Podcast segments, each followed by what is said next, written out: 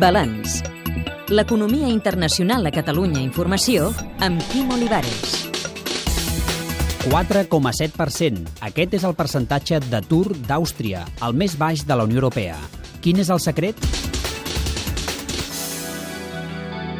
Ist meine Hand eine Faust, machst du sie wieder auf und legst die da. Thomas Mayer, periodista austríac del diari Der Standard. L'atur baix és un concepte que està profundament ancorat en la societat austríaca. Per entendre això s'ha de recórrer a la història. Després de l'imperi hi va haver un període curt de democràcia, llavors l'any 29 vam tenir la Gran Depressió, dos sistemes feixistes i, per descomptat, hi havia un atur molt alt i un desenvolupament social catastròfic. I després de la guerra hi va haver un gran trencament a les ments de la gent, i quan el país va reprendre la democràcia, als anys 50 i 60, gairebé el 100% de la societat austríaca va acordar que mai es tornaria a barallar entre ella i també que calia crear un model social estable, principalment entre els empresaris i els sindicats de treballadors.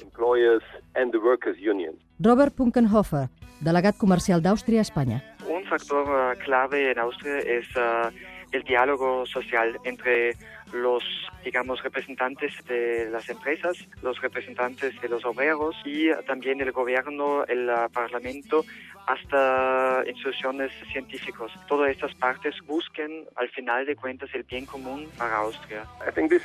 Penso que això és molt l'estil austríac. No volem enfrontar-nos entre nosaltres, els diferents grups d'interès, sinó que mirem de cooperar per ajudar-nos els uns als altres. Aquesta col·laboració es va posar de manifest després de l'esclat de la crisi financera. El 2009, el producte interior brut d'Àustria va caure prop d'un 4%, però no va portar destrucció de feina. Un exemple, el sector automobilístic. Por ejemplo, la industria automotriz perdió bastante. Al lugar de cortar realmente los empleos, se cortó simplemente horas de trabajo. Entonces así siempre se trata de lograr un acuerdo y no entrar en, en el conflicto. No hay uh, soluciones radicales. Siempre se sienta, se discute, se discute mucho, todos pierden un poco. Però, a més, l'economia és sòlida. Fem un cop d'ull a les seves dades bàsiques. Població. 8.400.000. Govern. Coalició entre socialdemòcrates i conservadors. Renda per càpita. 42.000 dòlars. La de Catalunya és de 35.000. Joves menors de 24 anys que ni estudien ni treballen. 12%. Aquí és del 22. Esperança de vida. 80 anys. Aquí és de 82. Exportacions. Representen un 50% del producte interior brut. A Catalunya són prop del 30. Inversió en recerca i desenvolupament. 2,7% del PIB. Aquí és de l'1,5. No serien possibles aquests indicadors sense un patró de creixement que no s'assembla al dels països del sud. Alles ist gut. Alles ist gut, wunderbar. Mir scheint die Sonne aus dem Arsch. Ich weiß verdammt nochmal nicht, wohin mit meinem Glück. Ich... Certament l'economia austríaca ha funcionat diferent durant la crisi. A Espanya vau tenir un desenvolupament esplèndid de creixement, però diria que en bona part era artificial. I això penso que és una diferència important respecte a la manera com funciona l'economia d'Àustria i també la d'Alemanya. No vam fer aquests canvis ràpids d'una societat basada en la indústria a una societat basada en els serveis. Ara la potent indústria austríaca és innovadora, internacionalitzada i es nodreix del treball efectiu de les agències de col·locació.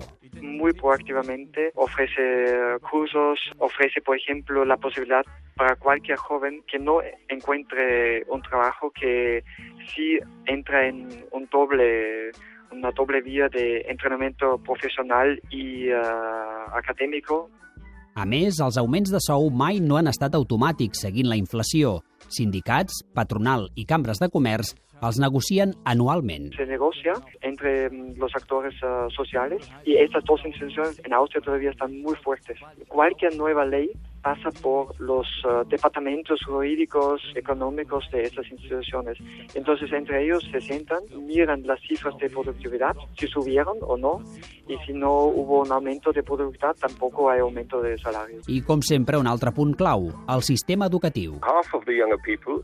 La meitat dels joves van a l'escola primària i després als instituts i a les universitats. L'altra meitat, dels 15 anys en endavant, aprenen un ofici treballant en una empresa. Això vol dir que una gran part dels joves austríacs estan lligats estretament a l'economia i a les empreses.